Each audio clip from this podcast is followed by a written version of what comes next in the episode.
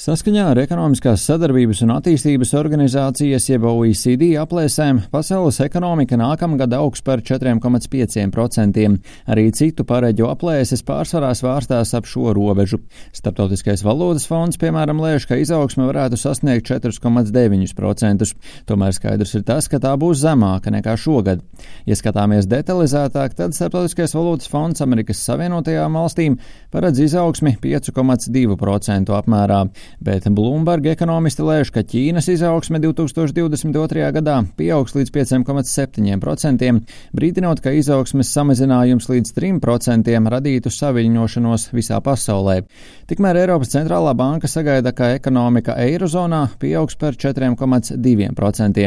Kā Latvijas radio norāda SEB bankas ekonomists Dainis Gašpuitis, vērtējams, ka situācija nākamgad kopumā būs stabila, pat neskatoties uz dažādiem izaicinājumiem, kas nākamā gada sākumu izaugsmu padara sarežģītu. ASV ekonomikas izaugsme tiek vērtēta nedaudz eh, zemāk, savukārt Eirozonai joprojām prognozes ir pozitīvas un pat nedaudz uzlabotas. Savukārt eh, Ķīnai arī izaugsme eh, nedaudz aktivizēsies no salīdzinoši lēnās izaugsmes, kas bija vērojama 21. gadā bet uh, kopumā tas skatījums ir gana stabils, joprojām neskatoties uz salīdzinoši sarežģītajām gada beigām un iespējams uh, arī visai izaicinošo nākamā gada sākumu. 2022. gads solās būt nākamais atkopšanās gads ar kāpumiem un kritumiem. Dažādi izaicinājumi, prognozes un reālo situāciju var mainīt, un nebūs pārsteigums, ja teikšu, ka lielāko neskaidrību un risku rada pandēmija, ko intervijās medijiem atzīst arī virkne ekonomistu. COVID is, is clearly uh, an issue. COVID situation and COVID policies. Pandemic and geopolitical risk. Šobrīd būtiskākais drauds ir jaunais omikrona paveids, un tā potenciālie riski vēl neatspoguļojas nākamā gada prognozēs par ekonomisko izaugsmi. Sagaidāms, ka nākamgad turpināsies arī piegādes ķēžu problēmas. Protams, jautājums ir par to, vai tas pavērsīsies uh, uz normalizācijas pusi vai drīzāk uh, teiksim, pretējā virzienā. Ļoti liela iespēja, ka uzlabojumi būs, bet tie būs ļoti maz izteikti. Primārais nosacījums uh, šai normalizācijai ir tas, ka ir šis omikrona paveids parādījies, kas tomēr atkal liek pastiprināt ierobežojumus. Tās cerības, ka normalizēšanās pātrināsies, ja, kas bija viena no tādām pamatotām cerībām, šobrīd tiek atlikta, kas nozīmē arī, ka šie sarežģījumi piegādes ķēdēs saglabāsies pietiekami ilgstoši. Saistībā ar piegādes ķēžu saīsināšanu arvien skaļāk tiek runāts par uzņēmēju aizplūšanu no Ķīnas. Lai gan noteiktas pārbīdes ķēdēs varētu notikt, Gašpuitis norāda uz to, ka uzņēmēju aptaujas un reālā rīcība neliecina, ka Ķīna varētu zaudēt pašreizējās pozīcijas.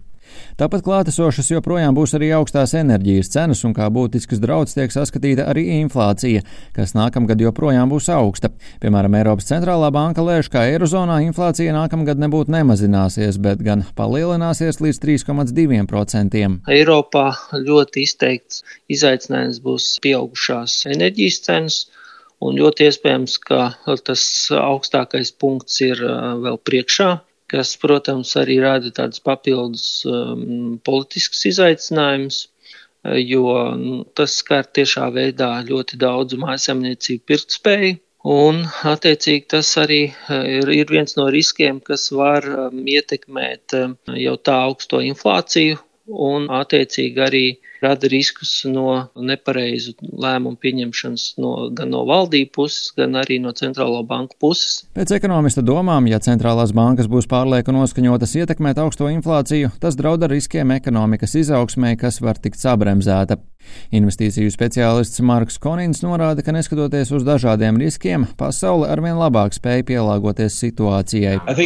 Know, though, forward, our ability to cope is improving. Ir daudz nezināmā, bet tas, ko mēs zinām, ir, ka laikam ejot mūsu spējas pielāgoties uzlabojas. Ja runājam par makroekonomikas pusi, tad sagaidām lielāku balansu starp pieprasījumu pēc precēm un pieprasījumu pēc pakalpojumiem. Un 2022. gada laikā tas noņems daļu spiediena no inflācijas, īpaši attīstītajās ekonomikās, un ekonomika globāli joprojām augst, tajā skaitā ASV, lai gan ir vairāk neskaidrības par Ķīnu. Globālais ārvalstu investīciju investīciju apjoms šī gada pirmajā pusē saskaņā ar OECD datiem, neskatoties uz pandēmiju, pieauga par 43%, salīdzinot ar pirms pandēmijas līmeni. Lielākā ieguvēja bija Ķīna, kam sekoja ASV un Lielbritānija. Pirms dažām dienām Britu konsultāciju uzņēmuma Sebra publicēts pētījums norādījis uz to, ka Ķīnai būs nepieciešams nedaudz ilgāks laiks nekā tika uzskatīts iepriekš, lai apsteigtu ASV un kļūtu par pasaules ekonomiku numuru viens. Proti, tas notiks divus gadus vēlāk, jeb 2030. gadā. Rihards Plūme, Latvijas radio.